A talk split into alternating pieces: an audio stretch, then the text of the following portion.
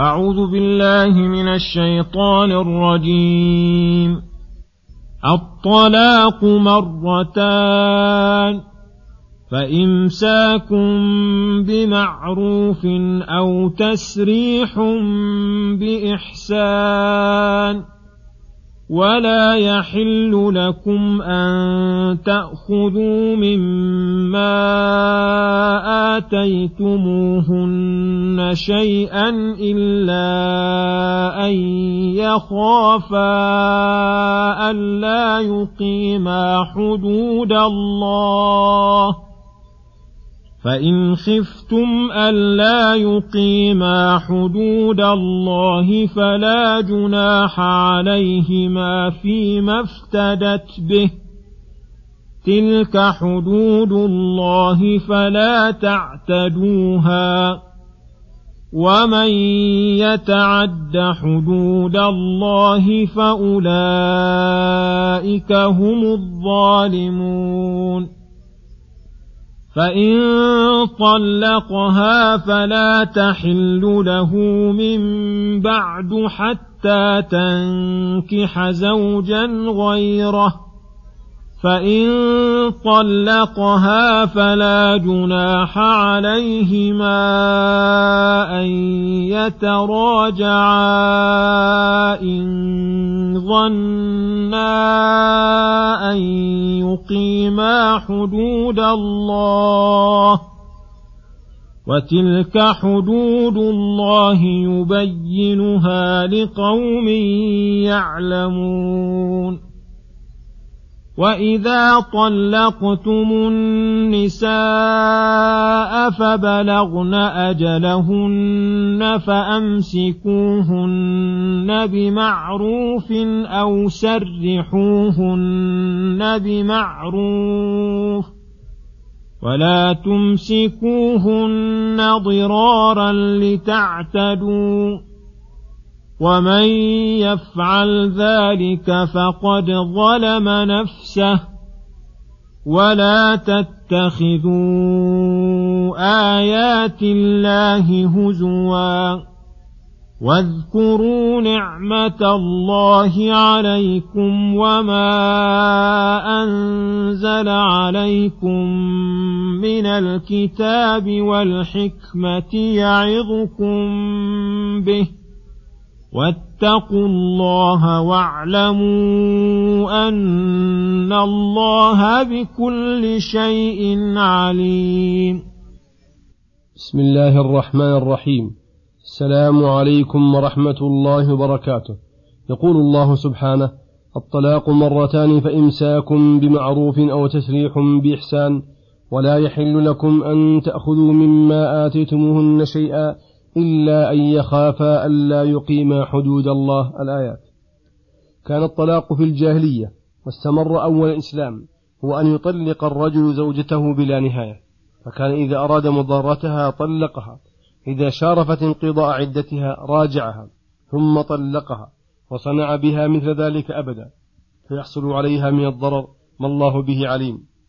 فأخبر تعالى أن الطلاق أي الذي تحصل به الرجعة مرتان. يتمكن الزوج إن لم يرد المضارة من ارتجاعها ويراجع رأيه في هذه المدة وأما ما فوقها فليس, محل فليس محل لذلك.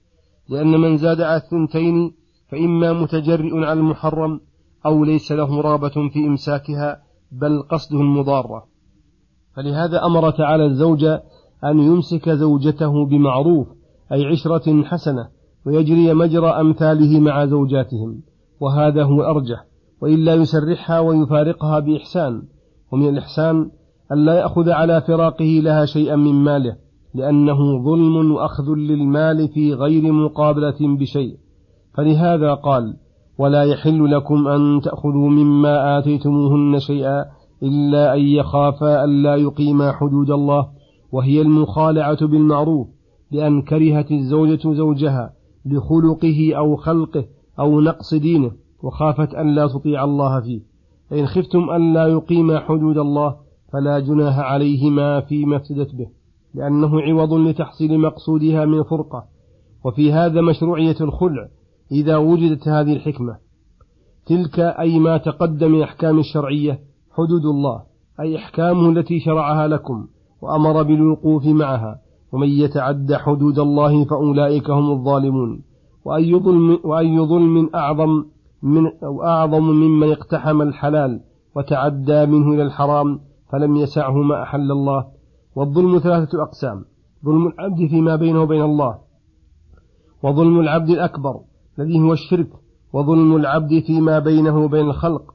فالشرك لا يغفره الله بالتوبة. فالشرك لا يغفره الله إلا بالتوبة. وحقوق العباد لا يترك الله منها شيئا. والظلم الذي بين العبد وربه فيما دون الشرك تحت المشيئة والحكمة. يقول تعالى فإن ثم يقول تعالى فإن طلقها أي الطلقة الثالثة فلا تحل له من بعد حتى تنكح زوجا غيره أي نكاحا صحيحا ويطأها لأن النكاح الشرعي الصحيح يدخل فيه العقد والوطء وهذا باتفاق. فيتعين أن يكون نكاح الثاني نكاح رغبة فإن قصد بها به تحليلها للأول فليس بنكاح ولا يفيد التحليل. ولا يفيد وطء السيد لأنه ليس بزوج إذا تزوجها الثاني راغبا ووطئها ثم فارقها وانقضت عدتها فلا جناح عليهما أي على الزوج الأول والزوجة أن يتراجع أن يجدد عقدا جديدا بينهما لإضافة التراجع إليهما فدل على اعتبار التراضي. ولكن يشترط في التراجع أن يظن أن يقيم حدود الله بأن يقوم كل منهما بحق صاحبه. وذلك إذا ندم على عشرتهما السابقة الموجبة للفراق وعزم أن يبدلهما أن يبدلاها بعشرة حسنة فهنا لا جناح عليهما في التراجع. مفهوم الآية الكريمة أنهما إن لم يظن أن يقيما حدود الله لأن غلب على ظنهما أن الحالة السابقة باقية والعشرة السيئة غير زائلة أن عليهما في ذلك جناحا لأن جميع الأمور إن لم يقم فيها أمر الله ويسلك بها طاعته لم يحل الإقدام عليها. وفي هذا دلالة على أنه ينبغي للإنسان إذا أراد أن يدخل في أمر من الأمور خصوصا الولايات الصغار والكبار أن ينظر في نفسه. فإن رأى من نفسه قوة على ذلك ووثق بها أقدم وإلا أحجم. ولما بين تعالى هذه الأحكام العظيمة قال وتلك حدود الله أي شرائعه التي حددها وبينها ووضحها يبينها لقوم يعلمون لأنهم هم المنتفعون بها.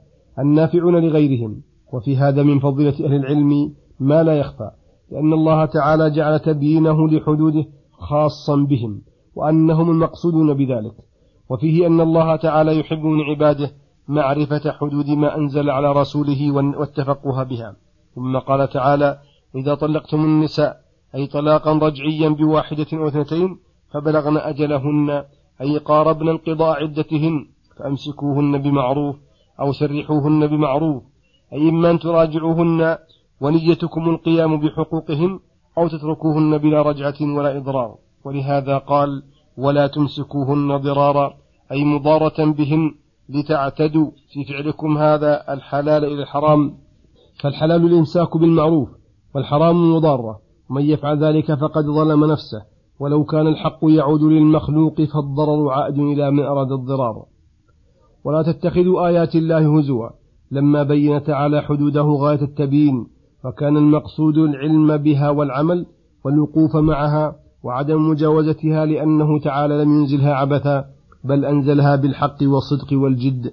نهى عن اتخاذها هزوا أي لعبا بها وهو التجري عليها وعدم الامتثال لواجبها مثل استعمال المضارة في الإمساك أو الفراق أو كثرة الطلاق أو جمع الثلاث.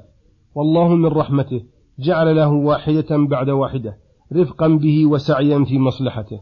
واذكروا نعمة الله عليكم عموما باللسان حمدا وثناء وبالقلب اعترافا وإقرارا وبالأركان بصرفها في طاعة الله. وما أنزل عليكم من الكتاب والحكمة أي السنة اللذين بينهما بي اللذين بين لكم به بهما طرق الخير ورغبكم فيها وطرق الشر وحذركم إياها.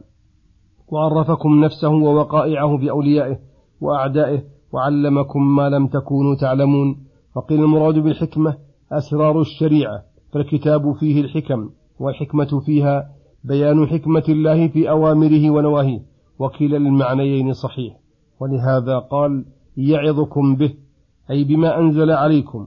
وهذا مما يقوي أن المراد بالحكمة أسرار الشريعة لأن الموعظة ببيان الحكم والحكمة والترغيب أو الترهيب فالحكم به يزيل الجهل والحكمة مع الترغيب يوجب الرغبة والحكمة مع الترهيب توجب الرهبة. واتقوا الله في جميع أموركم واعلموا أن الله بكل شيء عليم.